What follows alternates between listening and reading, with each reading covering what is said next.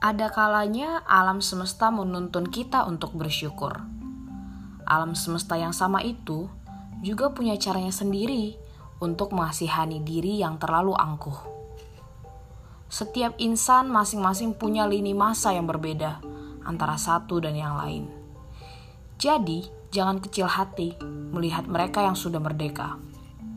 Tidak perlu terlalu was-was, tapi jangan terlena akan waktu manusia memang boleh berencana.